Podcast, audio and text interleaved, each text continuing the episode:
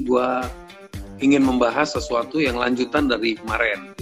sama topiknya, cuman approach-nya aja beda, sudut pandangnya beda, yaitu setelah corona, what next? Nah, di sini kita ngomongin tentang new normals, tapi dari perspektif yang berbeda.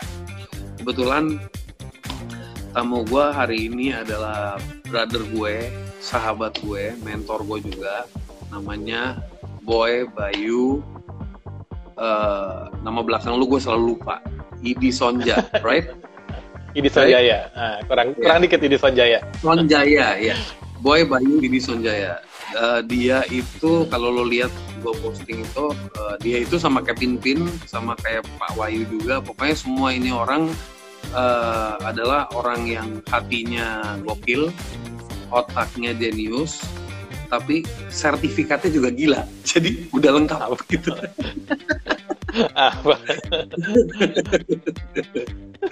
okay. Jadi uh, praktisi merangkum sebagai akademisi, merangkum sebagai apa ya bro? Kalau kalau ilmuwan, nah jadi ber, bergabung dari tiga itu. Sama gitaris satu. Jadi mereka Ya, yeah. dan biasanya kan orang kalau nggak ketemu praktisi, praktisi, ketemu akademisi, akademisi, ketemu ilmuwan, ilmuwan gitu kan. Nah kalau ini yang gue ajak nih kebetulan orang-orangnya yang udah udah three in one semua. Nah, gimana bro? Welcome, bro boy. Selamat malam Bro Nil, selamat malam teman-teman semuanya. Oke, okay. ya Pak. Okay. Bro, uh, jadi gimana kabar-kabar Bro? Sibuk aktivitas ngapain Bro belakangan ini? Aktivitas satu ya berbagi sharing ilmu, uh, terus kemudian juga membantu beberapa perusahaan, terutama dalam kondisi seperti krisis begini uh, luar biasa ya, Bronil. Uh, banyak karena ini unprecedented time, banyak hal yang harus dipersiapkan dan mm. itu tidak mudah memang, tidak mudah menghadapi ini semua. Tetapi uh, tadi selalu ada jalan. Cuma jadi persoalan sebenarnya yang jadi dari Bu uh, juga bantu ada beberapa lembaga untuk memberikan pandangan-pandangan. Cuma yang saya sayangkan sebenarnya waktu bulan Januari ini mulai apa ya, mulai uh, kelihatan gitu soalannya. Saat itu saya uh, memberikan masukan ke beberapa pihak, ada beberapa pihak lah yang nggak perlu nggak perlu sebutkan. Itu saya mengatakan gini, uh, ini sebenarnya pandemi ini isu yang sudah dibicarakan oleh W, uh, World Economic Forum lama dari mulai tahun 2013, 2015 terus juga sampai kalau teman-teman lihat Bill Gates juga pernah cerita tentang masa pandemi, kesiapan kita dan sebagainya, itu sudah banyak dibicarakan. Nah, tetapi yang uh, yang terlupakan menurut saya adalah ketika uh, pandemi ini dilihat hanya sebagai sebagai uh, disease, penyakit. Waktu itu saya sudah ingatkan bahwa uh, pandemi ini uh, waktu itu namanya kita belum sepakat apa non COVID-19 gitu ya, hmm. uh, adalah uh, juga harus dipandang sebagai wildfire information, informasi yang hmm. apa ya terjemahannya wildfire information di bahasa Indonesia enaknya apa aja, pokoknya liar informasinya hmm. gitu ya. Nah informasi okay. liar ini Wild, bukan wildfire bukan, information ya. Yes, uh, wildfire information itu bukan hanya bukan hanya uh, bukan hanya soal uh, hoax, tapi juga keterlambatan informasi, uh, ketidak ketidakseragaman informasi, uh, baik-baik pihak otoritas dan segala macam. Dan ini uh, harus diantisipasi uh, segera. Jadi yang penyakit juga memang harus diantisipasi, yang persoalan ini juga diantisipasi. Karena hmm. kalau penyakit more to lebih kepada nanti kepada penyakitnya itu sendiri, tapi kalau wildfire information itu udah masuk ke jiwa raga, bukan hanya jiwanya yeah, aja. Raga. Yeah, pikiran benar. kita menjadi terganggu, pikiran kita nggak tahu mana yang benar, mana yang salah gitu. Nah, itu harusnya diantisipasi. Tapi sayangnya entah nggak tahu ada kaitannya apa enggak, yang keluar malah anggarannya buzzer gitu ya. Ya buat gue lepas dari itu setuju nggak setuju. ya. Tapi emang anggaran buzzer itu benar, anggaran buzzer itu emang beneran atau hoax sih bro? Gue nggak tahu sih bro sebenarnya. Karena gue ya, nggak. Gue nggak gue nggak berusaha masuk ke sana sih, bro. tapi ada anggaran itu sebenarnya bukan satu-satunya anggaran yang dikeluarkan itu adalah anggaran untuk bisa mungkin gini lah bahasanya kayak iklan layanan masyarakat. buat sosialisasi ya Okay. Lebih kepada supaya pariwisata dan sebagainya gitu loh, Bro, sebenarnya. Okay. Tapi ya okay. tapi di, di lapangan bergeser lah. Nah, itu bergeser itu saja sudah sebagai sudah sebagai uh, wildfire information. Nah, sehingga okay. kita babak belur nih, Bro, menghadapi semuanya uh, simpang siur. Tapi itulah suasana kita sekarang. Sekarang mulai tertata tertata lagi. Nah, salah satu bagian dari Well Find Information after Corona, kita langsung bicara after Corona, yang uh, kita uh, gue berikan masukan beberapa pihak dan dulu juga perusahaan yang uh, eh, gue lagi dampingi segala macam. Tetapi uh, adalah kita harus menghindari sifat deterministik karena uh, kelihatannya bro, ini uh, mungkin sebelumnya ke teman-teman yang baru bergabung kita uh, ini kita diskusi tidak ada yang benar tidak ada yang salah uh, yang saya sampaikan hmm. mungkin agak agak lebih berbeda misalkan dengan apa yang teman-teman pahami di lapangan ataupun informasi yang lagi beredar yang populer gitu ya bro yeah. Yeah. mungkin agak berbeda uh, cuma uh, kita kita nggak ada yang benar sekarang ini dalam unprecedented times waktu yang tidak kita pernah kenal tidak ada yang paling benar yang ada adalah kita mencoba meraba semua hal gitu yeah, betul nah yang gue khawatiran sebenarnya bagian dari welfare information itu adalah ini bro. Jadi sekitar tahun 2015 uh, gue pernah mengadakan suatu penelitian kecil tentang tentang yang dinamakan network centric warfare. Jadi peperangan secara network gitu. Oke, okay, nah, peperangan. Uh, ada ada yang menarik loh di situ hasilnya. Hasil dari kajian gue itu adalah uh, uh, masyarakat kita, ketahanan sosial masyarakat kita itu akan relatif lebih uh, jatuh atau lemah kalau berhadapan dengan digital. Okay. Nah, tapi kalau kita menghadapi bencana alam segala macam, kita bersatu padu kuat, bro. Tapi okay. begitu menghadapi digital, kita bercerai-berai. Kita okay. uh, eh, kenyataannya sekarang kita bisa lihat nih, bro. Sekarang kenyataannya, kenyataannya hmm. adalah kenyataannya adalah ketika kita bikin sumbangan APD segala macam, kita wah luar biasa kan ya uh, respon masyarakat saling membantu. Tapi begitu masuk ke sosial media, udah keluar lagi kampret, uh, cebong, kardun segala macam keluar semua kan. Yeah. Semuanya seolah-olah tidak bersatu padu gitu. Yeah. Tapi kalau kita udah urunan, nah bersatu padu lagi. Jadi Sakit jadi kita memang dalam ini. ya jadi kita kita lemah di hadapan digital, Bro. Aduh, kan uh, agak agak repot juga. Nah, uh, uh, kaitannya apa sih nanti habis pasca corona? pasca corona ini akan diliputi oleh hal seperti itu dan kebu uh, dan kebetulan sekarang banyak pandangan yang beredar gitu yang uh, cukup populer tapi menurut saya hemat saya itu mengarah ke deterministik deterministik itu apa ya uh, seolah kita sudah men tahu menentukan apa yang akan terjadi sama masyarakat kita gitu Tuh, Dan, saya, saya mau tanya, deterministik itu sama kayak determination atau bukan? Uh, katanya dari determine. Oke. Okay. Awal mulai, tapi Berarti... itu sebuah sebuah sebuah kata sifat yang yang mengatakan bahwa kayak lo tuh udah tahu di depan sana lo udah pasti tahu kayak begitu kejadiannya gitu. Oh, you playing berarti, as a god berarti, gitu loh. Ya, oh ya, jadi jadi kalau bahasa gaulnya udah kebanyakan orang yang play sotoy. Sotoy.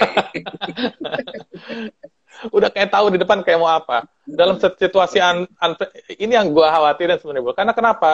Ini akan mempengaruhi perilaku ekonomi kita, mempengaruhi hmm. para pelaku ekonomi maupun uh, objek dari ekonomi sehingga seolah-olah tidak ada jalan keluar seolah-olah jalan keluarnya hanya itu gitu padahal hmm. uh, kita kita sedang mereduksi kemampuan kita sebagai manusia karena kita hmm. sudah melalui uh, peradaban yang cukup lama menghadapi berbagai macam hal dan kita selalu hmm. bisa keluar dari sana uh, bagaimana hmm. caranya contohnya sederhana gini bro misalkan uh, uh, berkembang misalkan uh, bahwa uh, kita mengikuti sebuah teori Maslow, gitu, bro ya, misalkan. Hmm. Kita akan turun aktualisasi sampai ke bawah.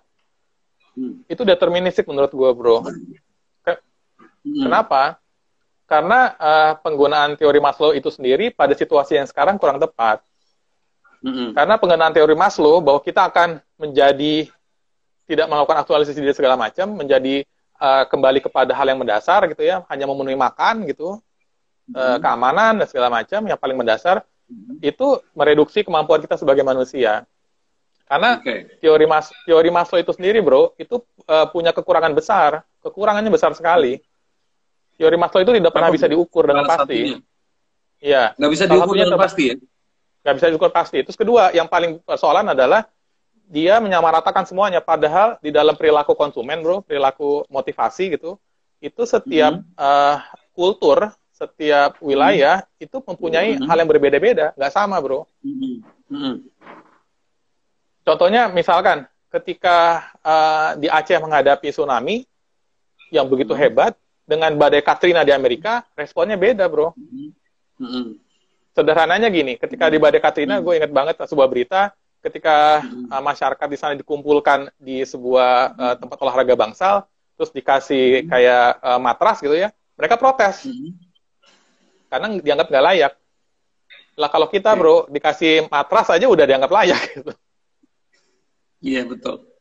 Beda Beda-beda gitu. emang. Jadi beda. Jadi peng- penggunaan teori Maslow dalam mempredik eh, memprediksi memprediksi masyarakat kita ke depan itu terlampau deterministik menurut gua. Itu Oke. sayang kalau kita sampai ke arah sana. Nanti kita jadi bergerak eh, seolah-olah ke teori Maslow. Padahal banyak masih banyak teori, Bro. Misalkan teori Oke. achievement-nya McClellan bahwa kita Kayak nanti gimana, akan lebih mencari power. Misalkan eh, kita eh, mempunyai motivasi tertentu karena kita ingin mencapai sesuatu, satu Hmm. kalau kita ingin mencapai sesuatu dia kita mempunyai daya dorong yang berbeda terus kemudian Oke. keinginan kita mempunyai power Hmm. Kita mempunyai power nah ini kan sebenarnya bisa digambarkan sekarang bagaimana sekarang Hmm. masyarakat berusaha mempunyai power untuk bisa dia termotivasi dalam kehidupannya sehari-hari contohnya apa contohnya contohnya sekarang eh, apa namanya eh, semua eh, masyarakat masyarakat pengguna ojek misalkan dia berusaha berusaha Hmm. supaya bisa memberikan kelayakan kepada kepada uh, ojek uh, apa pengendara ojek apa driver ojeknya itu Hmm. semuanya sebuah exercise of power bagaimana dia bisa memotivasi dirinya meng- menggunakan powernya dia terutama minimal hanya mengasih uang sepuluh ribu dan segala macam untuk bisa dia termotivasi eksistensinya dia ada dan dia bisa bergerak dalam kehidupan itu kan juga Hmm. sesuatu yang aktu- bentuk aktualisasi diri dari sisi Maslow itu sebenarnya jadi kita nggak pernah nggak pernah turun sebenarnya nggak pernah turun seperti Hmm. Maslow. Nah itu agak agak menurut saya agak berbahaya kalau dunia bisnis mengarah ke sana, bro, gitu. Oke. Eh, Dengan persepsi, di satu persepsi itu doang ya. iya, nah eh, dalam situasi yang kayak gini kita eh, saya eh, mengajak teman-teman semua tidak deterministik. Atau bahasa kerennya Hmm. dalam bisnis adalah kita harus membuka banyak skenario, bro. Gitu. Skenario nya harus banyak Oke. memang, karena kita nggak pernah ngalami. Tapi Iya. kalau hanya dibilang satu, kita akan misalkan menjadi go digital semua, nggak juga, bro. Gitu. Hmm. Nggak akan begitu juga. Justru malah kemampuannya nanti omni, omninya akan Hmm. berkembang kemungkinan. Hmm. Kita bisa Karena lihat sekarang di dua-duanya ya. pasar, Iya. dua-duanya. Jadi coba eh, ketika kita dunia kita semakin digital, kita semakin konvergen atau kon- atau divergen menurut menurut Bro Sunil? Semakin divergen kan konvergen atau semakin apa tadi? Divergen. Konvergen menurut gua. Konvergen kita akan semakin banyak pilihan kan? Iya. Apakah manusia ketika menghadapi pandemi setelah ini, terus kita menjadi takut dan kita nggak ngapa-ngapain gitu, bro? Gitu. Kan Iya nggak itu mungkin. benar skenario skenario nya beda sih, betul. Ya buktinya Beda, masih aja ada orang yang nakal, masih aja di saat ini aja kan udah ada pilihan.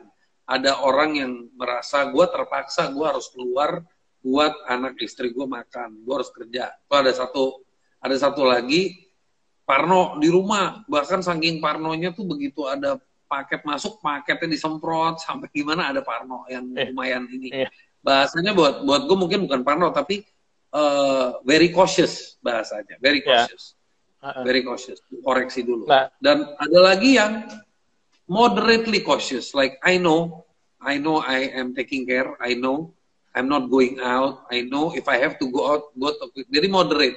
Ada yang benar-benar chilling. Dia di rumah ya, dia keluar kita chilling. ya emang jadi gila, Bos. Makanya. Iya, jadi kita nggak pernah eh, nggak eh, peradaban kita tidak mengenal seperti itu. Sederhana deh, bro. Misalkan gini ya, ini terlepas kita setuju nggak setuju ya. Sudah ada larangan. Ini kita dalam bulan bulan bulan puasa dilarang Mhm. berkumpul beribadah sholat taraweh di masjid.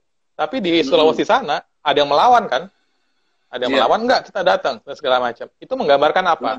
Mengga- menggambarkan ma- kita sebagai manusia tuh tidak sesederhana dibilang bahwa ketika menghadapi masalah kita langsung mundur semuanya gitu loh bro. Oke. Ya enggak gitu. Maslow itu kan kalau eh, dia hierarkinya mundur, itu seolah-olah kan kita mundur sekali. Gitu. Kebutuhan hidupnya mundur gitu. Iya. Itu enggak gitu lah gitu. Menurut gue sih ya gitu. Eh, enggak enggak begitu. Jadi kita pertama penempatan penggunaan teori Maslow yang berkembang saat ini itu menurut gue tidak tepat karena konteksnya berbeda. Terus itu eh, lebih menyerupai mereduksi masalah manu- kemampuan manusia itu sendiri. dan uh, dan kita kayaknya stuck gitu. Karena uh, kreativitas kita harus berkembang ketika menghadapi ini semua, bukan malah kita back off mundur gitu. Terus mm -hmm. kemudian kita menjadi go digital, fully go digital, which is uh, menurut gue kita nggak begitu. Hasil dari riset hasil Nielsen yang terbaru kemarin yang di-share banyak nih sekarang, itu bagus banget mm -hmm. menggambarkan sesuatu.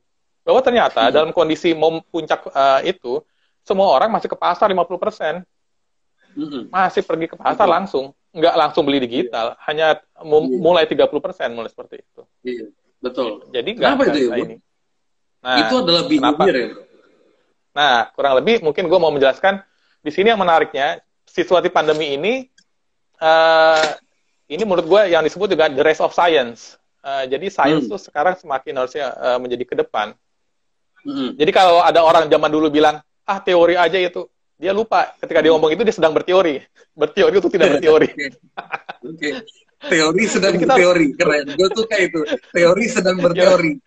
Ya, lu teori yang tidak ya, teori yang lagi dengerin jangan pada jadi teori sedang berteori lu. teori yang yang enggak bukan maksudnya uh, teori yang sedang uh, teori untuk tidak berteori. itu adalah teori.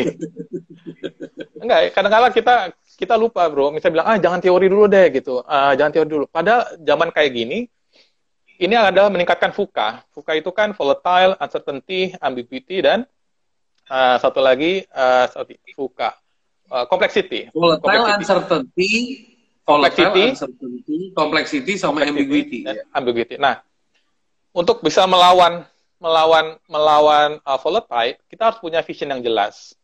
Untuk bisa melawan uncertainty, kita harus punya uh, punya yang disebut dengan namanya ini waktu itu gue ya kita harus punya dengan namanya understanding pemahaman kita harus bagus okay. when we, we talk about understanding we talk about uh, knowledge kan knowledge itu yeah. a part of the knowledge mm. adalah teori itu sendiri maka yeah. kita harus mencari penjelasan uh, penjelasan bagaimana gitu nah oke okay. karena itu uh, lebih bagus kita kembali ke rootnya kenapa sih masyarakat kita kok nggak bisa dengan mudah langsung di deterministik seperti itu karena kurang lebih situasi seperti ini gue mau share sedikit ya uh, pernah yeah. seperti ini Kelihatan ya bro ya? Nah, kelihatan. Jadi sebagian wilayah yang bagian ini, kita ini ada waktu, dan ini adalah tingkat uh, impact dari kemampuan sosial masyarakat kita, uh, vulnerable-nya seberapa jauh, seberapa jauh dia hmm. uh, kerapuhannya.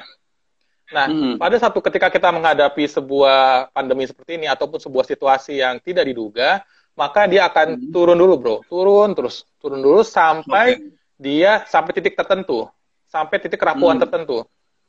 Oke. Okay. Nah, ketika dia turun ke sini, secara bersamaan masyarakat itu lagi rapuh kayak kita di awal-awal, panik, panik buying. Terus kemudian hmm. panik buyingnya sampai yang boton-boton aja vitamin yang ini lucu, bro. Gue pernah ke apotek ditanya.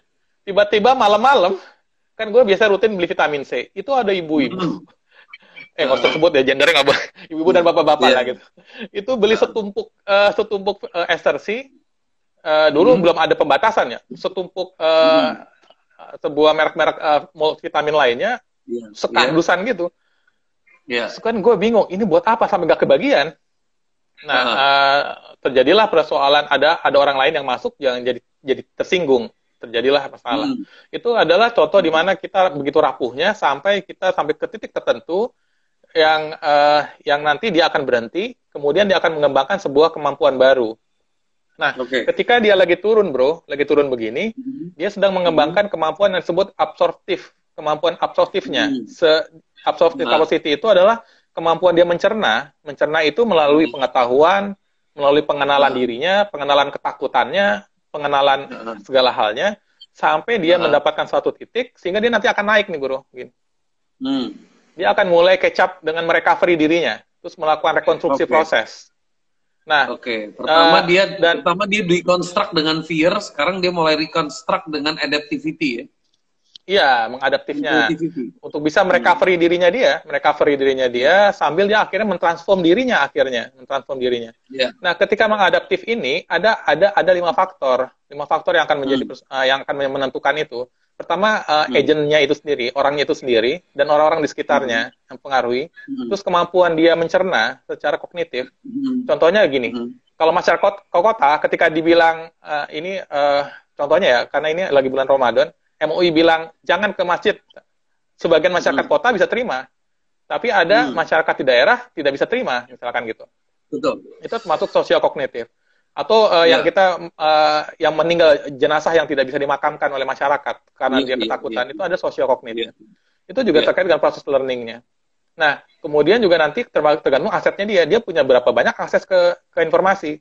Kalau ada orang-orang hmm. yang punya IG misalnya kayak gini, dia bisa akses ke hmm. channelnya lo, bro, kan jadi bisa bisa hmm. makin pinter gitu. Iya lagi. Bisa aja lo bro. Terus dia dia dia fleksibel. Sejauh mana orang itu fleksibel dan uh, sejauh hmm. mana dia bisa mengorganize dirinya dia. Nah ini adalah kemampuan adaptif hmm. ditentukan dari lima hal ini. Jadi bisa bayangkan hmm. kalau kita deterministik, kita memastikan bahwa masyarakat akan langsung jadi B, padahal faktornya banyak banget bro. Nah, coba diulang dulu tuh, bro. Ya, yang lima itu apa aja tuh? Pertama, agent, terus? Agentnya, sosial kognitifnya. Okay, sosial terus? kognitif. Terus kemudian learningnya uh. dia. Terus kemudian uh. aset yang dia punya. Terus fleksibilitasnya. Uh. Aset fleksibilitasnya. ini di sini aset ilmu ya? Aset berarti know-how-nya dia atau akses dia gitu? Atau gimana? Macam-macam. Aset bisa yang bersifat okay. tangible sama intangible, bro. Oke, okay, siap. Yang yang tangible dia dia punya akses internet dan segala macam berita. Terus sama dia organize kemampuan dia mengorganize-nya. Organisasinya bagaimana? Okay. Organisasinya itu okay. adalah ya sekelilingnya dia, keluarga, masyarakat, lingkungannya gitu. Okay. Nah, oke, okay. yang setelah ini akan mempengaruhi. Nah, ini ini akan mempengaruhi kemampuan transformingnya dia juga akhirnya. Okay. Jadi yang gue mau sampaikan adalah itu um, terlampau mereduksi kemampuan manusia ketika hmm. dibilang kita langsung dideterministik bahwa ke depan kita tidak akan lagi jalan-jalan hmm. misalkan travel akan mati hmm. misalkan buat gue nah. uh, itu terlalu deterministik yang ada terlalu adalah ekstrim. terlalu ekstrim. terlalu ekstrim untuk memutuskan itu akan terjadi oke okay. Iya, yang ada adalah kita akan terjadi yang makanya itu pandangan gue sebagai new normal adalah bukan hmm. yang seperti tadi deterministik tapi kita mempunyai cara-cara baru cara pandang baru terhadap sesuatu yang sama maupun yang baru. Hmm. Oke. Okay. cara-cara yang uh, baru untuk hal yang dulu sama, keren, sam dan hal-hal yang baru sama sekali. Contoh, okay. uh, eh, contoh misalkan, okay. hmm. contoh misalkan, uh, kita balik lagi sini. Hmm. Contoh misalkan, uh, dulu uh, desain baju kita hanya di-equip dengan buat bolpen. Iya, betul. Desainer. Sekarang harus ada lubang buat taruh sanitizer, bro. Gokil. Oke.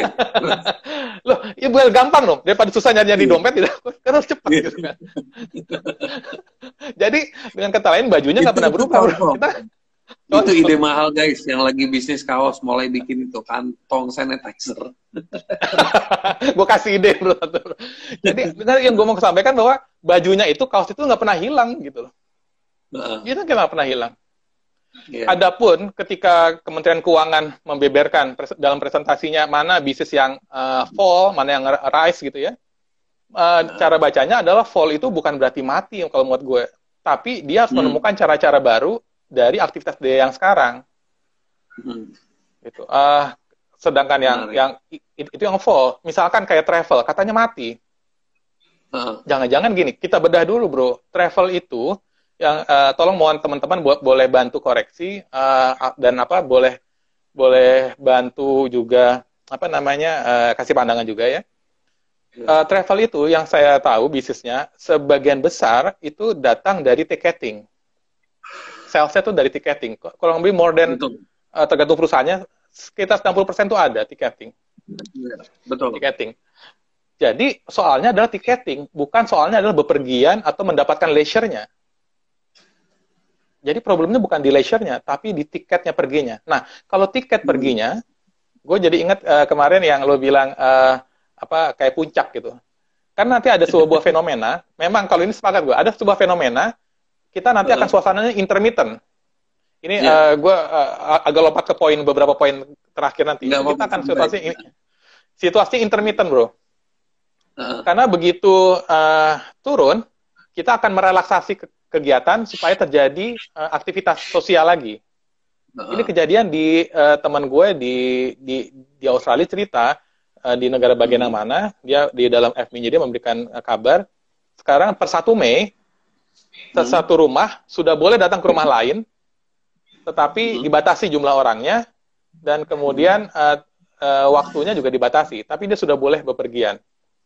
Okay. Atau uh, Perdana Menteri Morrison uh, di sana juga mengabarkan bahwa uh, di waktu Mei nanti, saya lupa Juni atau Mei, itu uh, uh, sudah boleh direlaksasi uh, bepergian untuk aktivitas bisnis. Jadi hmm. ada intermittent. Yeah. Nah, uh, ketika kita intermittent, uh, maka sebenarnya uh, travel uh, bisnis ticketingnya mulai berjalan kembali, tetapi dia tutup kembali. Nah, ketika ketika suasananya buka tutup, buka tutup, ketika dia tutup, maka uh, si perusahaan traveling harus mencari bisnis uh, lainnya yang dari yang sekarang. Contohnya, uh, misalkan uh, dia mengembangkan uh, wisata wisata wisata religi dari jarak jauh uh, wisata religi dari jarak jauh dia bisa bisa merasakan sekarang sudah misalkan ya saya mengandalkan mengandai-andai dia menggunakan uh, virtual reality untuk so, uh, seseorang bisa tempat di sana tapi dia bisa merasakan suasana uh, datang ke tempat religi dan lain sebagainya. Yeah. Atau dia misalnya Karena contohnya dia, pergi ke Mekah dia bawa drone di situ ya kan, terus dia iya. deketin yeah. gitu kan, jadi kayak experience-nya dapat gitu kan. Experience-nya dapat, itu bisa ke hmm. tapi dia tidak menghilangkan sama sekali. Uh, eh, okay. Karena kenapa? Misalkan nih, bisnis travel, uh, yang kalau lo sekarang dibebasin bro, sekarang apa yang lo inginkan pertama kali? Sebagai orang yang baru kena tekanan tadi ya, ada uh, tekanan kerapuhannya, terus kemudian dia mengadaptasi dirinya, terus dia mentransforming dirinya. Apa yang ingin lo pertama kali dapatkan umumnya bro? Gue sih mau, gue sih rencananya mau keluar kota bro. Abis itu gue mau chill. Pengen, lu pengen pergi kan, kan? Iya gak? Kita lu kita pengen pergi gitu, semuanya. Gue pengen gue para drive, long drive. Iya. Nah, sebagian orang yang pengen pergi, ada yang seperti itu juga. Ada yang ingin pergi, dia ingin melepas uh, tekanan jiwa dia mengarah kepada wisata-wisata religi. Yeah aktivitas uh, misalkan umroh uh, mungkin digiatkan sementara walaupun jumlahnya terbatas misalkan ataupun aktivitas-aktivitas lainnya. Yang pasti yeah. jadi maksud yang gue ingin sampaikan dia tidak pernah benar-benar mati dan uh, bukan masa suram gitu loh bro. Yang kita butuhkan cari adalah hal-hal uh, yang baru keluar. Tadi ada berarti uh, jangan jangan stuck di itu ya jangan stuck di jangan stuck dengan pemikiran core revenue lo doang. Jadi lo udah harus berinovatif untuk menciptakan alternatif revenue dalam bisnis model lo atau lo harus pivot tapi bukan berarti lo anggap bisnis lo mati gitu ya. Mm -hmm. Ya, jadi uh, misalkan ya gue sampai cerita ini sedikit nih. Uh, Tadi ada yang komen mungkin ibu-ibu itu adalah gue ngeri nggak lo? Waduh, sorry. Nah, uh, uh, saya contohkan gini. Ini uh, situasi yang nanti harus kita hadapi bersama. Hmm. Ini ada kelihatan nggak? Kelihatan. Kelihatan ya. Jadi uh, ini kurva sigmoidal adalah kurvanya organik gitu ya. Uh, hmm. Yang menjadi tantangan kita saat ini nanti adalah semua bisnis dia harus mengeksploitasi apa yang bisa dilakukan hmm. oleh dia secara bersamaan harus mengeksplorasi hal-hal baru. Oke. Okay. Nah, nah ini bahasanya, uh, jadi bahasanya cukup cukup cukup uh, cukup keren mengeksploitasi bisnis dia yang ada dan mengeksplorasi hal-hal baru. Ya, uh, itu ada itu yang akan uh, akan ter, ter, terjadi saat ini. Uh, jadi yang lebih ke depan yang terjadi lebih seperti itu. Jadi uh, hmm. saya mau dudukan lagi balik tadi. Ketika kita mendapatkan chart dari Kementerian Keuangan yang cukup beredar banyak sekali, bro. Mana bisnis yang hmm. fall, mana bisnis yang rise. Uh, kalau hemat gue, mendingan kita lihat itu bukan berarti fall itu mati, gitu. Tapi fall itu dia harus mengeksploitasi apa yang dia bisa lakukan dengan sumber dayanya dia, dan dia harus mengeksplorasi hal baru at the same time. Gitu. Okay. Uh, mau ke mana? Jadi ah, definition uh, fall itu yang bahaya. Fall itu bahaya. Kalau kita deterministik ya bro. Kalau kita deterministik, kalau bahwa kita bawa tahu bahwa kita akan mati, kita kayaknya udah, hmm. udah tahu kita akan mati gitu. Hmm. Uh, kita kita tidak dalam posisi itu menurut gue. Kita harus membangun sebuah hmm. harapan bahwa uh, kita harus cari jalan untuk seperti ini. Contohnya nih, uh, sekarang gue kebetulan di situ ada Teh Yuri. Teh Yuri ini uh, mau gue kenalin dikit bro. Teh Yuri yeah. ini adalah salah satu desainer muda Indonesia berbakat yang luar biasa. Bisnisnya Levico dengan anyaman anyaman Nusa Tenggara. dan luar biasa hmm. bro uh, kreativitasnya udah sampai ke New York segala macam Selamat wow. malam teori teori nah suatu hari gue menarik bro tiba-tiba teori ini uh, di Facebooknya menunjukin bahwa ini pak ini pakaian gue kalau mau keluar jadi kayak APD tapi keren bro untuk bisa hmm. ibu-ibu keluar pakai ada kerudungan gitu APD nah yeah. itu sebenarnya adalah bentuk mengeksploitasi mengeksploitasi kemampuan yang sekarang di mana orang-orang akan akan apa namanya akan ingin menjaga kesehatan ataupun hmm. masih agak khawatir, tapi dia tetap harus tampil fashionable. Aktualisasi okay. dirinya masih ada, bro, masih aktual. Yeah. Jadi Atau jangan keluar lu gengsi lo, lo tetap mau look nah. good bisa kok, ya kan? Lo mau look iya. cool bisa kok, sambil sambil be very cautious tentang health. Iya, jangan sampai lo pakai uh, pakaian dinosaurus gitu kan, atau pakai pakaian uh, Eh, kayak pemadam kebakaran di hutan. Atau kebakaran. Nah, teori itu uh, punya punya ide yang menarik tentang hasil itu. Terus katanya laku katanya tuh kan. Bener kan? Coba kalau kita jual lebih banyak teori. Ayo jual sama Brunil. Ya. Boleh lah nanti keren. nanti nanti itu apa di diceritakan teori nanti kalau mau saya ajak live juga untuk menceritakan gimana you come up with the idea. Jadi itu bisa memberi semangat juga buat teman-teman sekalian. Nah, iya. Ya. Nah, nah, itu yang menarik kan, Bu. Jadi uh, hmm. jadi kita kita melihat pertama adalah satu uh, jangan uh, poin pesan saya adalah bukan jangan deterministik. Yang ke depan secara bisnis uh, yang dikembangkan adalah sebenarnya skenario. Kita harus punya banyak skenario, Bro. Skenario-nya apa, skenario apa, skenario apa. Memang skenario itu tidak pernah uh, uh, apa kita nggak bisa benar-benar sama, kita mendekati. Dan skenario itu akan selalu berubah gitu dengan situasi yang berubah. Artinya kemampuan kita memang dituntut dinamis saat ini, nggak nggak bisa seperti itu. Jadi pasca pasca corona ini yang dituntut adalah kita harus punya kemampuan sikap dinamis, tidak deterministik. Dan bagaimana konsumen kita? Konsumen kita sedang melakukan hal yang sama. Konsumen kita sedang belajar hal yang sama. Ini harus kita populerkan, bro, pikiran-pikiran bahwa kita tidak loh, tidak suram setelah ini. Karena pandangannya hmm. tanpa suram, tanpa hmm. suram gitu. Nah, uh, sehingga uh, perusahaan-perusahaan, uh, saya mau cerita sedikit, ada satu uh, beberapa perusahaan yang yang merasa bisnisnya sudah tidak berjalan kalau yang itu. Padahal sebenarnya masih banyak loh yang bisa dikembangkan dari bisnis yang uh, sekarang ada. Hmm. Contohnya begini, uh, karena yang namanya downturn pasti akan diikuti dengan naik lagi kan? Gak mungkin selalu hmm. semuanya turun. Gak bisa. Itu hukum ya. alam. Nggak, itu hukum yeah. alam. Kecuali Tuhan menentukan yang berbeda. itu udah, udah udah kiamat kalau jatuh terus gitu. Kita pasti yeah. akan naik. Nah, uh, ketika gue masih dulu di perusahaan, uh, belum menjadi dosen di uh, sebuah perusahaan consumer goods uh, multinasional, uh, kita pernah mengalami situasi tahun 98, 2008 dan lain sebagainya. Lagi ketika turun. Nah, uh, walaupun berbeda dengan situasi yang sekarang, yang di mana semua dimensi terkena dampak, tetapi ada satu hmm. faktor yang kurang. Memang kita sales akan makin menurun, menurun. Yeah. Tetapi bukan berarti kita tidak bisa melakukan hal yang lainnya. Hal yang lainnya, uh, contohnya adalah kita bisa mengembangkan brand value kita. Okay. Nah, brand value kita itu bisa dikembangkan karena brand value tidak harus selalu berkaitan dengan uh, sales kan. Pengembangan hmm. brand itu tidak harus selalu dengan sales. Hmm. Uh, walaupun secara anggaran kita harus bisa perhitungkan. Tetapi yang mau hmm. saya sampaikan adalah uh, analoginya sederhana gini, bro. Ketika kita suasana hmm. lagi susah, lo hmm. seneng sama orang yang lebih dekat sama lo atau sama orang yang jauh sama lo orang yang perhatian sama lo atau orang yang eh, nggak uh, perhatian sama lo kalau kita lagi susah? Ya pasti orang yang perhatian sama gue lah. Nah terus ketika gue kita sekarang udah nggak susah lagi lo mana yang lebih diinget lo yang dekat sama gue yang lagi masa susah atau orang lain? Kok tiba-tiba gue udah jadi konglomerat tuh tiba-tiba lo udah jadi konglomerat terus Lo tapi udah gak deket lagi sama gue?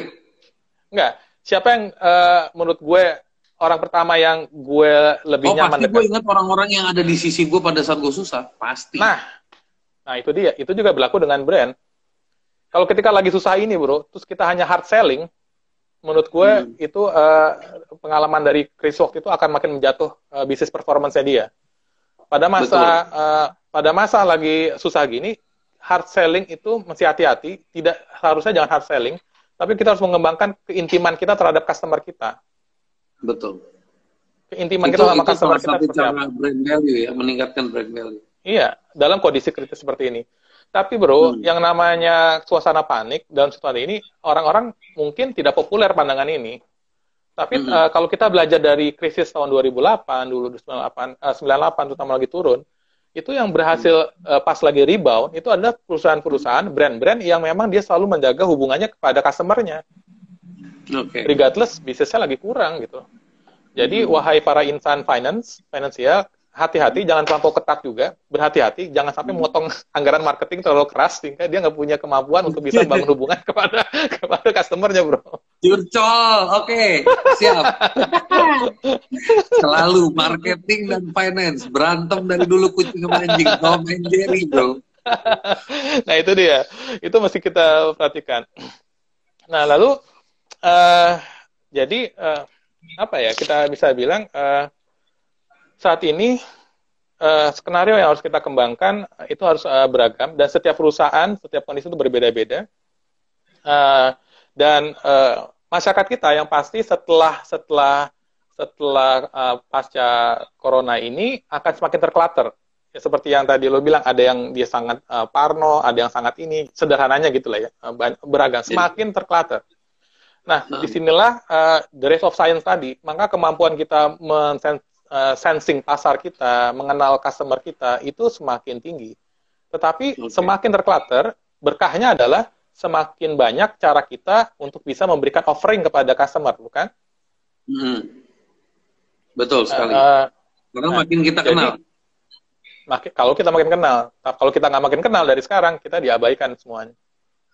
Gitu. Ya, jadi, uh, jadi uh, pesan saya segitu dulu bro mungkin dari bro Sunil mau apa lagi dulu kita diskusi ya, apa lagi bro Oke, okay. terima kasih bro. Gila itu baru satu pertanyaan, jawabnya udah segitu panjang. Lu ngerti kan kenapa dia mentor gue, guys? okay. Diskusi, diskusi. Okay. Um, tapi asal kalian tahu, saya dengan Mas Boy ini bisa duduk dengan insan-insan yang hatinya amazing, intelektual, dan saya bersyukur bisa berduduk sama mereka itu. Tapi ide ini bisa lu bayangin, lo orang semua mungkin punya ide-ide gimana kita tuh bisa mikir tuh gimana mendigitalkan warung. Itu kita sampai punya ide gila begitu, kadang-kadang itu lucu sekali ya. Tapi just for your information itu adalah hal-hal yang kadang-kadang kita bisa bicara tuh kalau ngopi tuh ngomong-ngomong ini tuh hal-hal yang nggak common buat teman-teman. Nah itu itu menurut gue teman-teman juga harus mulai melatih ya enggak. Menurut gue momen-momen seperti sekarang ini justru momen-momen yang bagus. Karena apa?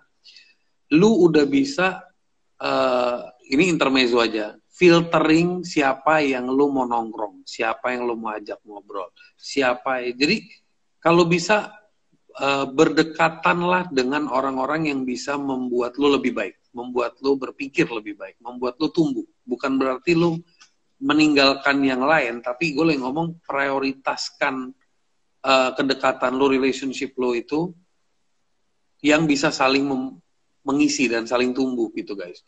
Nah ini sekarang gini bos, bro. Hmm.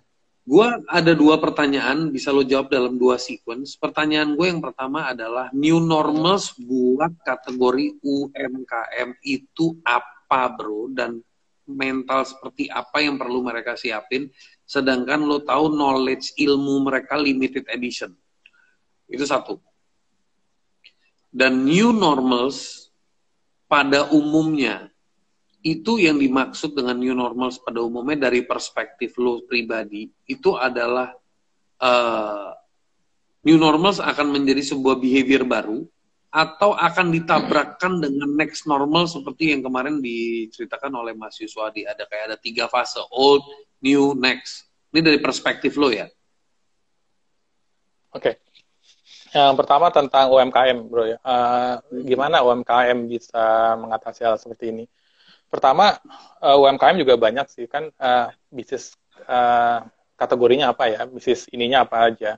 Uh, dia di hmm. industri apa UMKM-nya, itu akan berbeda-beda. Jadi hmm. agak sulit sebenarnya hmm. mengeneralisir semuanya. Tetapi yang bisa dilakukan pertama adalah, uh, pertama pesan saya UMKM, UMKM itu sebuah perusahaan yang menurut gue paling luar biasa paling nyaman di dunia saat ini, dan benar kutip nyaman, karena dia pada tahap entrepreneurial stage, tahapan entrepreneurial. Tahapan hmm. entrepreneurial lo bisa agile sekali. Sekarang semua perusahaan hmm. besar merindukan agile. hmm. agility. Susah sekali mereka lakukan itu. Tapi perusahaan UMKM itu sangat bisa agile. Itu udah punya kelebihan tersendiri. Hmm. Terus hmm. apa yang mesti dilakukan pertama? Pertama adalah don't lose your entrepreneurial capability. Jangan pernah hilangkan hmm. kemampuan entrepreneurial capability. Salah satu jalan tidak pernah kehilangan entrepreneurial capability uh, itu adalah kurang lebih gue mau share seperti ini. Uh, itu nanti slide-slide lu yang bagian itu ntar lu kirim gue ya. Nanti gue akan post di IG. Oh, ini tapi beda-beda slide ini dari berbagai macam. gue pilih iya, maksudnya, ya. Kalau nggak nanti gue masukin juga ke video. Jadi pas gue editing okay. video gue masukin. Nah, ini kelihatan nggak ya? Kelihatan ya? Agak buram tapi kelihatan. Bacain aja bro. Oke. Okay. okay.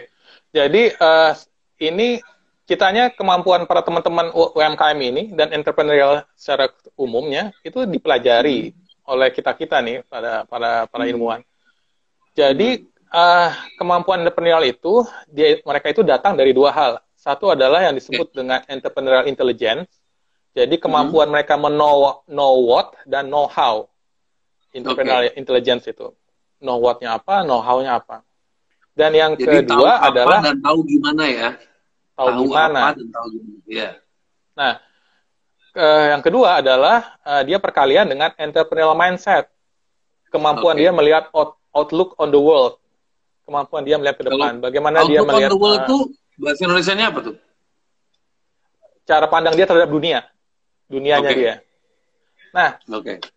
Jadi kemampuan dia membuat visi, energinya, kemampuan ingin sukses, hmm. dorongan menginovasi, dorongan mencari profitab profitabilitas yang bagus, bertumbuh dan lain sebagainya, bro. Itu kan kemampuan mm -hmm. dia melihat dunianya. Nah, yeah. bisa bayangkan, maka itu uh, kenapa dari awal tadi gue bilang jangan deterministik, jangan arahkan masyarakat mm -hmm. kita ke arah deterministik ataupun tidak seolah-olah mm -hmm. tidak ada pilihan. Karena entrepreneur yeah. capability kita bisa hilang nih, bro.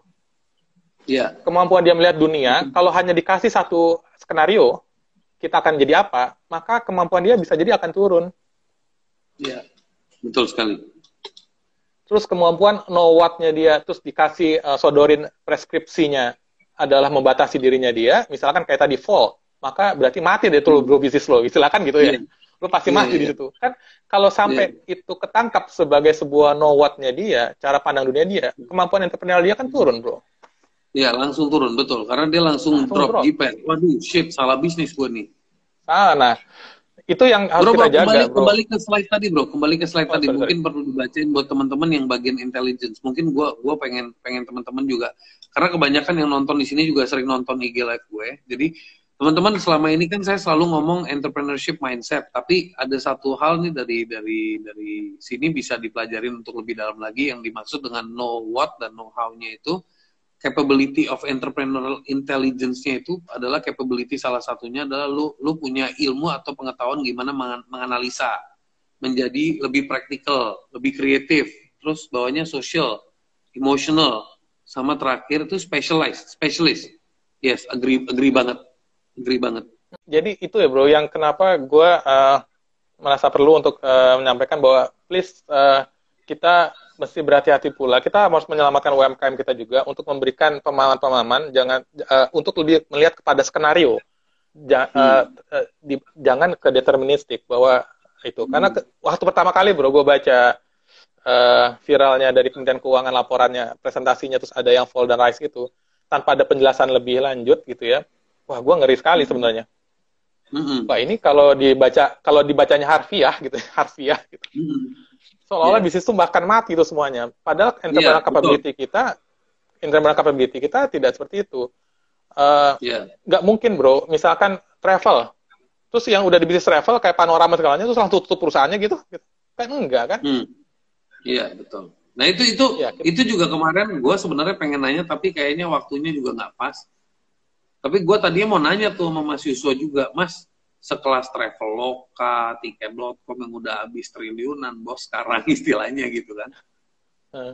Burning money-nya nggak main-main kan bro, market acquisition-nya. Itu hmm. suddenly drop, nggak usah deh, nggak usah mereka deh, yang udah berani nantang mereka kan AirAsia tuh kemarin tuh, yang kemarin sempat ada masalah kan, dia bilang gue akan bikin app gue sendiri. Itu juga kan punya challenge, itu lebih gila lagi operationnya kan. Iya. Itu. Iya, uh, itu dia. Jadi uh, kita kita bacanya jangan terlalu harfiah seperti itu juga. Yang ada adalah tadi uh, kayak model panorama traveloka, bagaimana dia mengeksploitasi kemampuan dia yang saat ini ada, yang dia punya, hmm. sama dia mengeksplorasi hal baru.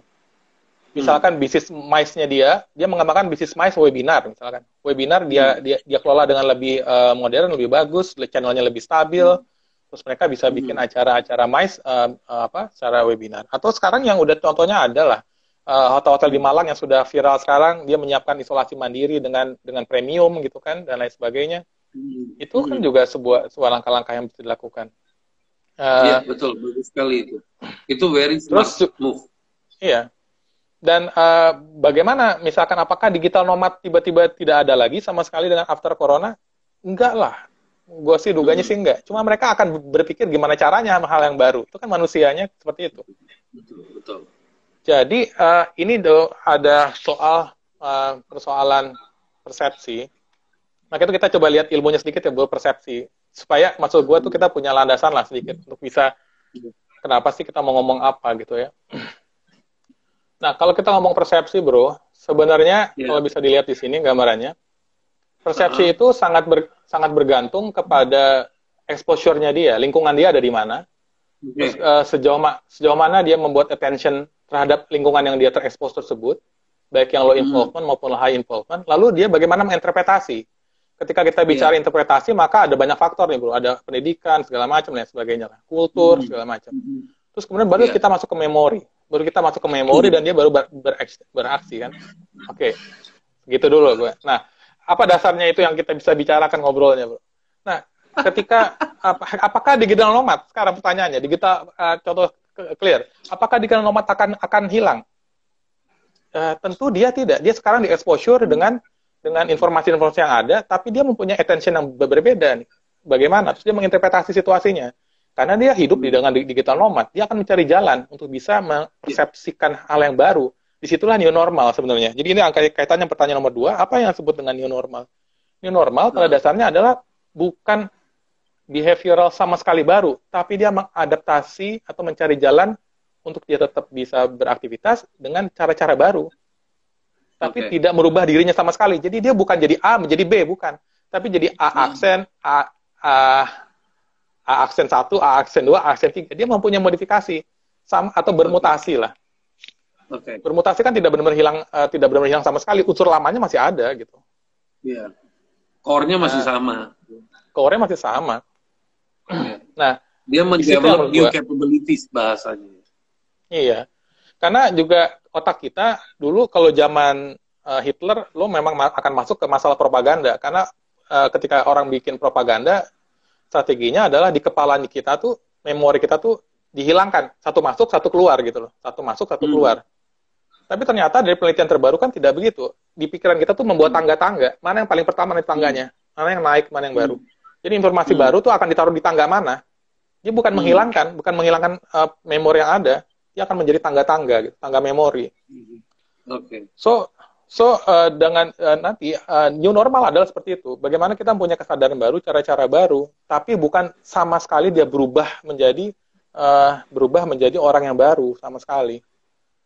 Kalau contohnya nih, uh, saya kemarin di teman-teman di, di, di properti, bagaimana new, new normal customernya? Salah satunya adalah uh, customer akan mungkin akan mencari tahu, akan minta requirement-nya uh, selain rumah yang indah, sehat, ada tambahnya lagi. Dia harus punya uh, internet yang bagus karena kalau sekarang kita udah terbiasa dengan dunia internet, maka ketersediaan yeah. akses internet menjadi kebutuhan lebih mendasar bukan wants yeah. lagi tapi udah jadi needs gitu. Iya, yeah. udah primer, udah primer. Udah primer, udah primer. Nah, dua nah, kayak gitu, tapi listrik sama internet. Nah, jangan mati lampu ya. ya, lo ya. punya internet keren listriknya mati lo mampus juga. Uh, kayak gitu. Jadi jadi uh, so uh, itu yang kita mesti kembangkan hal-hal uh, yang barunya. Lalu bagaimana sih yang uh, jualan yang jualan apa tuh? Uh, apa kita kalau suka taruh air di atas tuh yang kayak tangki itu uh -huh ya itu juga nanti akan keluar inovasi-inovasi lagi kan antibacterial, antiviral, anti ini, anti itu oh, iya. ibaratnya iya. itu tadinya detol dijual ini detolnya dijadiin nah. tangki. Iya. Iya pokoknya jadi uh, jadi kreatif kreatif kreatif baru gue jual. Jadi itu menggambarkan yang tadi uh, ketika kemampuan absorptif kita, ketika uh, vulnerable kita gitu. Terus kemudian kita mengembangkan ketika kita menjadi rapuh pada dasarnya kita sedang mengembangkan kemampuan baru itu. Rapuh hmm. saja itulah manusia hebatnya. Itulah kita bersyukur sebagai manusia. Uh, ketika kita rapuh sebenarnya kita sedang mengembangkan kemampuan baru. Sampai titik kalau kita sampai berhenti kerapuhan kita, kita udah punya pengetahuan baru. Sebenarnya. Okay. Sebentar so, ada yang kita, sebentar ya. Ini tadi Pak Asun bagus juga. New normal nomor satu apa ya? Uh, mungkin boleh di summarize. Yang dimaksud new normal nomor satu itu terhadap efeknya terhadap UMKM. Jadi summary-nya adalah kita nggak bisa semena-mena mengeneralisasikan UMKM dalam satu keadaan.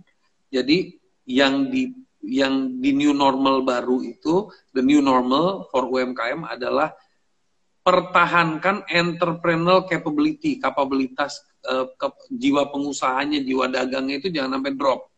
Nah itu uh, dengan menyadari bahwa entrepreneur itu ada dua sisi, yaitu entrepreneurial intelligence dan ada entrepreneur mindset. Kalau kita tidak pinter mengelola informasi yang masuk dan kita hanya meng menggap informasi itu, dan itu akan menjadi dangerous karena kita akan menciptakan judgement-judgement yang belum tentu benar. So, itu satu. Kedua, nanti lo koreksi gue ya, Boy.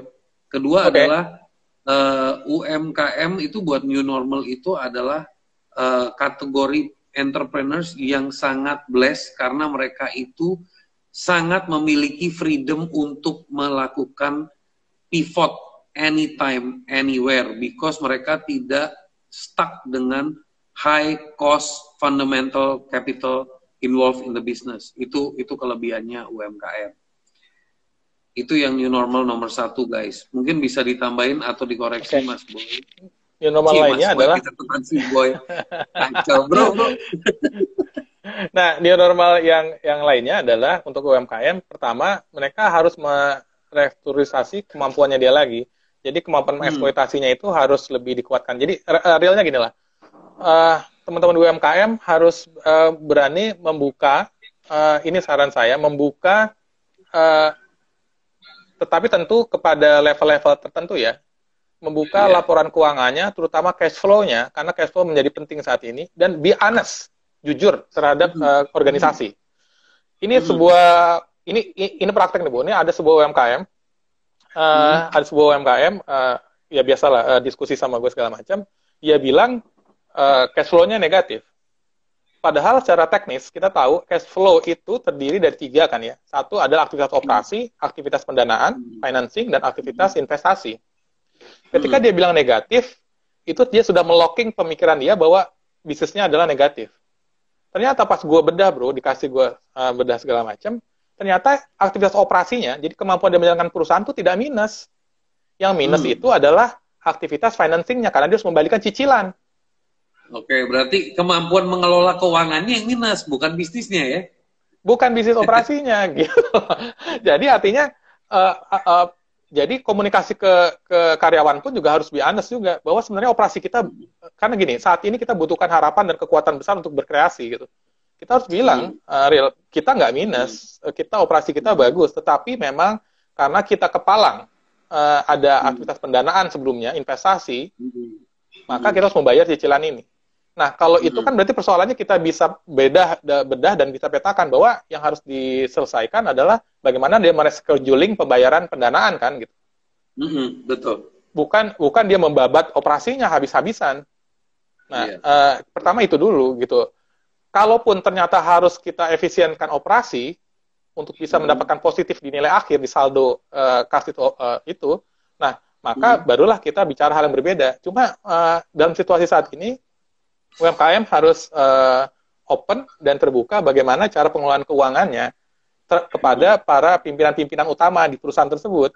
Ini, Jadi jangan ini salah sendiri. satu praktek ya, salah satu praktek uh. yang sudah pernah diimplementasikan salah satu temannya Bro Boy yang pernah konsultasi sama dia. Oke. Okay. Nah, ya, jadi artinya apa? New normalnya nanti, maka pengelolaan uh, kalau saya menyebutnya adalah pengelolaan keuangan di perusahaan harus lebih human, lebih humanity. Yeah yeah. humanity bahwa please be fair terhadap seluruh employee semuanya. hmm. mana sebenarnya hmm. yang jadi yang jadi persoalan? Karena uh, kekuatan kita harus ditarik bersama. New normalnya nanti yeah. kemampuan pengelolaan kita ini harus lebih kolaboratif, kolaboratif. lebih co-creation, lebih co-creation, yeah. co-creation bersama gitu. Nah, yeah. itu new normal yang yang kedua buat UMKM uh, selain yang tadi Bruno sampaikan. Terus yang ketiga new normalnya adalah uh, pertama uh, dia karena uh, agile harus bisa berpikir di luar dari core kompetensinya, harus agak berani lompat dari core kompetensinya.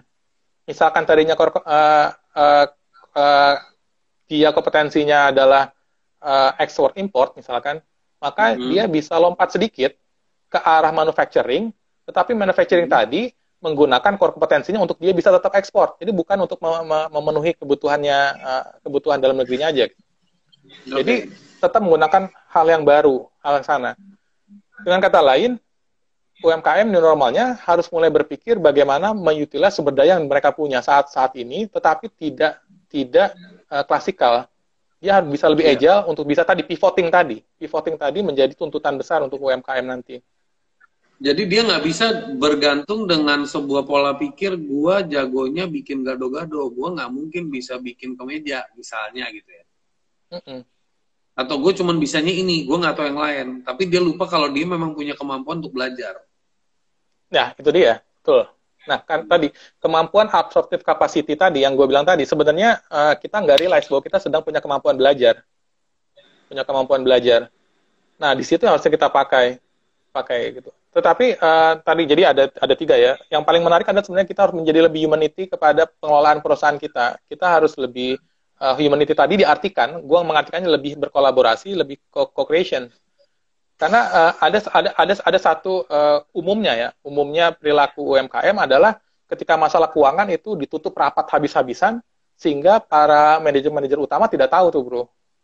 Mereka iya. istilahnya yeah. berjalan dalam ke ke kegelapan atau iya, bahasa yeah, betul. orang marketing. Yeah. Orang yeah. kalau orang marketing disuruh cari omset aja terus, dicari suruh omset, omset, tetapi dia nggak tahu dia profit apa enggak, bagaimana dia mengelola profitabilitasnya dan lain sebagainya.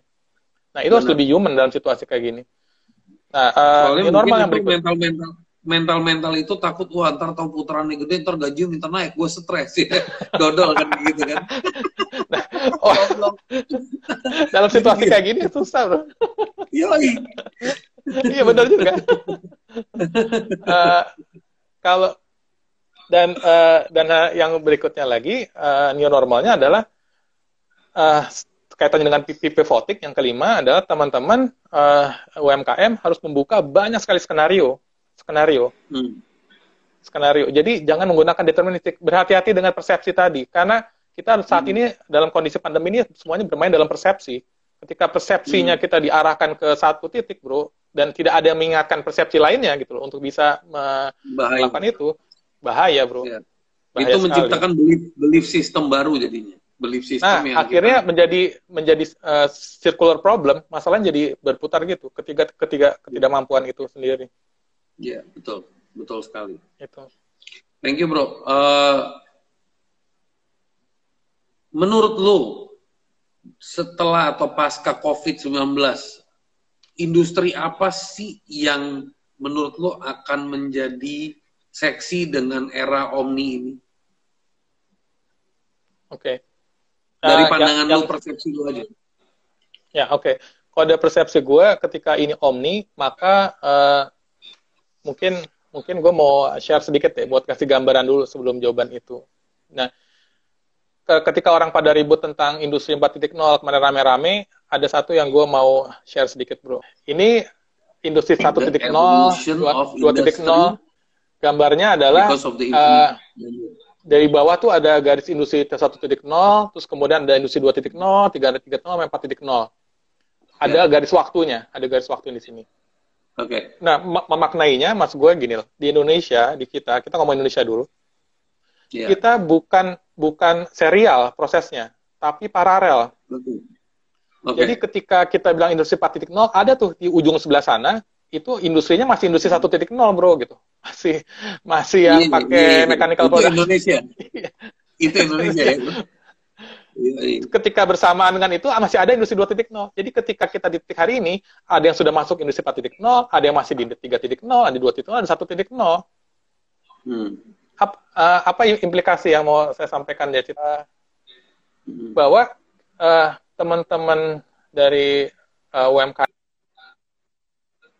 ini bisa melihat situasi itu sekaligus saat itu juga bahwa peluangnya itu masih banyak di kita itu.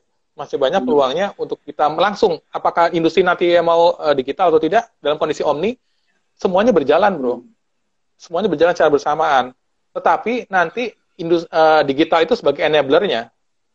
Hmm. enablernya sementara industri lainnya masih tetap berjalan omninya itu di hmm. sana omninya di sana hmm. dan uh, hmm. dan dari omni tersebut ada hmm. offline-nya ada online-nya dan nanti ini O2O-nya ini akan um, kembang bisnis-bisnis baru. Bisnis hmm. barunya adalah bagaimana menghubungkan keduanya lagi. Hmm. Ada online online dan dan dan dan dan dan, dan offline-nya.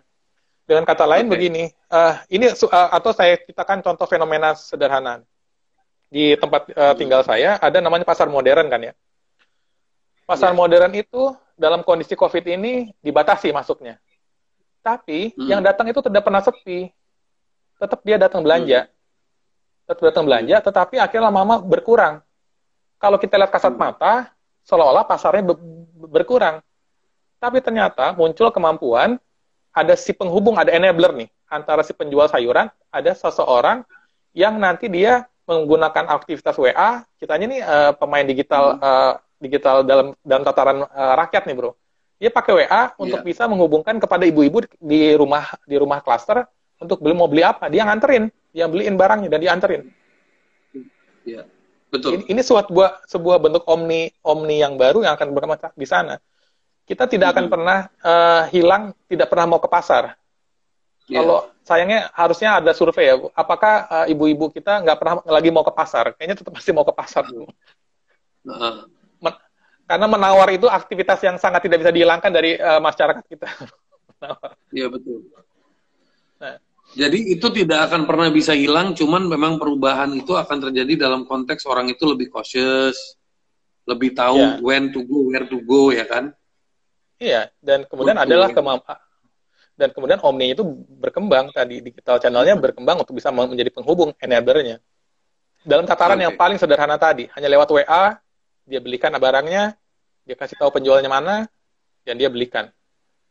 Tidak menggunakan aplikasi, aplikasi dalam artian aplikasi pasar terhadap ini uh, tidak bukan aplikasi integratif tapi sederhananya WA dan SMS bisa memungkinkan barang. What about trust? Trust dari sisi mananya dulu, bro? Uh, society trust. In business is all about trust, right? Oke. Okay.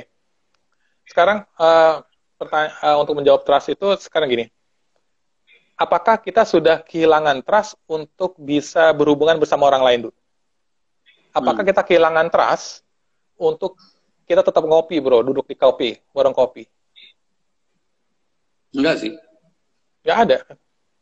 Yang hmm. ada kita memodifikasi trustnya, bro. Mungkin misalkan ketika kita dulu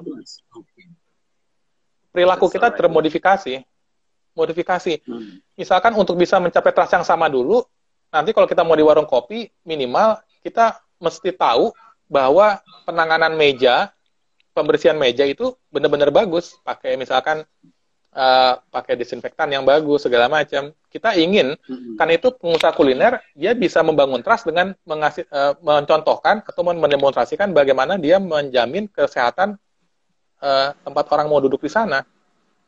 Oke. Okay. Uh, seperti itu. Atau contohnya yang sekarang yang lagi marak di Malang itu kan hotelnya untuk bisa membangun trust, dia bukan menjual kolam renangnya, tapi dia menjual tempat tidurnya, terus kemudian dia menjual suasana internet yang bagus, tempat uh, yang nyaman, terus kemudian makanan yang yang sebab bersih, terus kemudian dia mendapatkan tes rapid test uh, secara berkala, sehingga hmm. dia tahu situasinya dan lain sebagainya.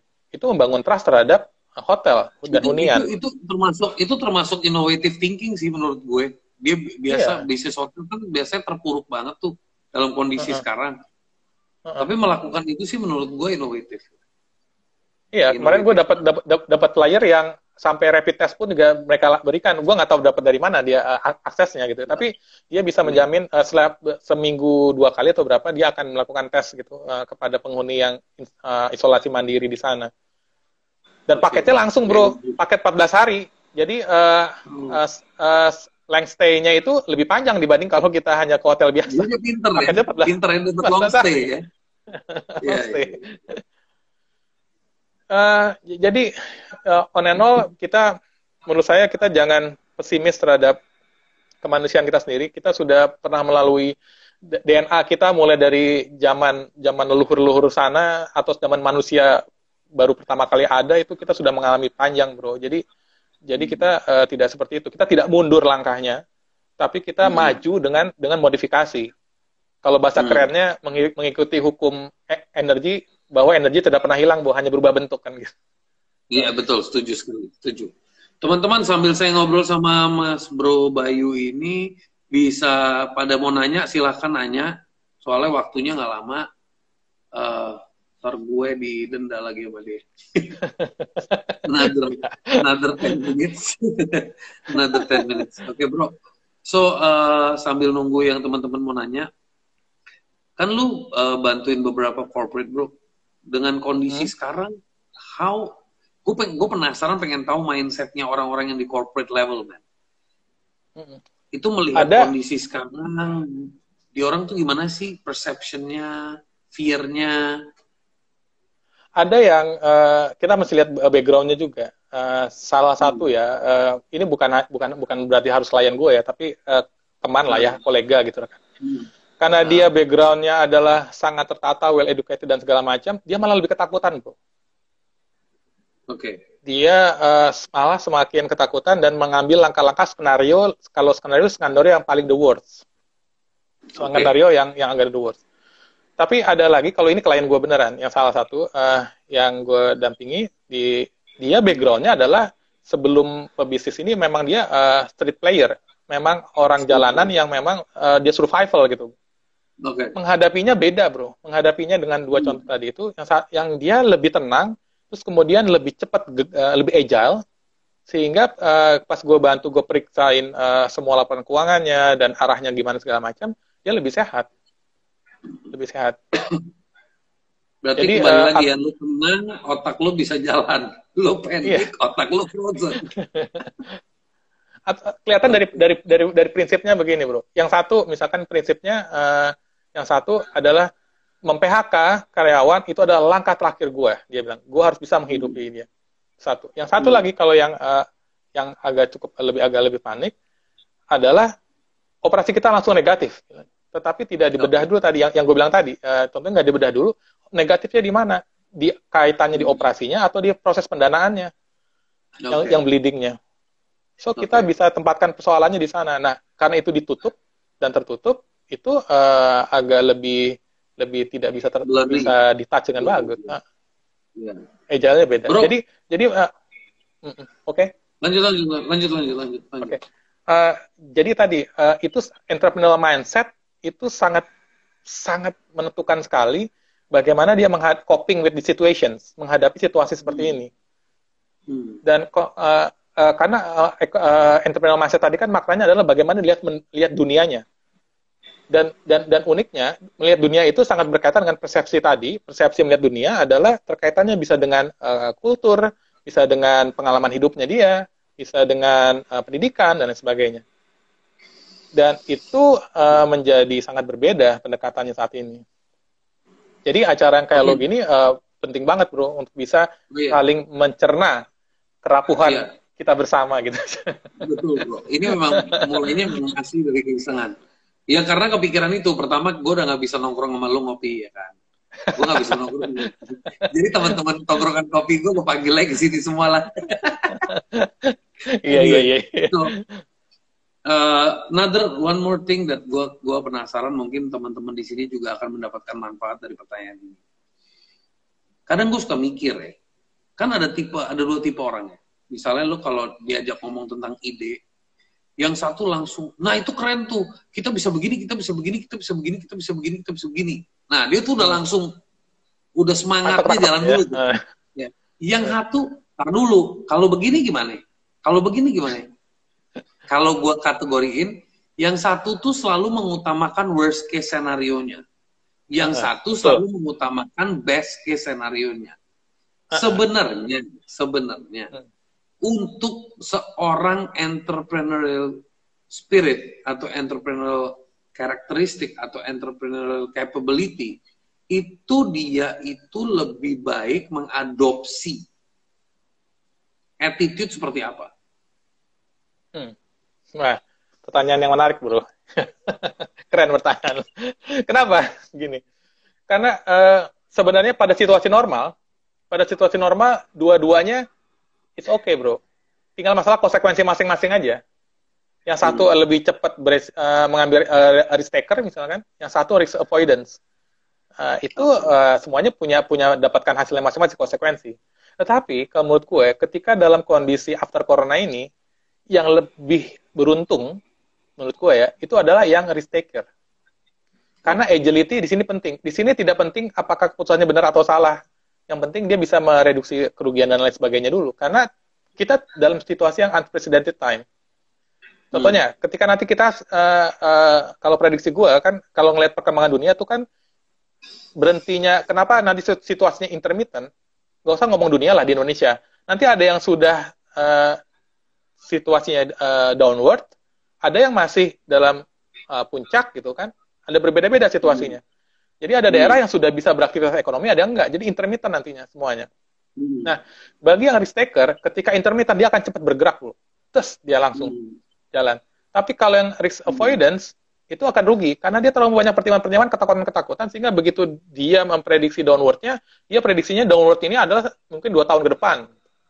Hmm. Tapi kalau yang uh, kalau yang risk taker begitu ada relaksasi sedikit dia langsung ambil tuh peluangnya.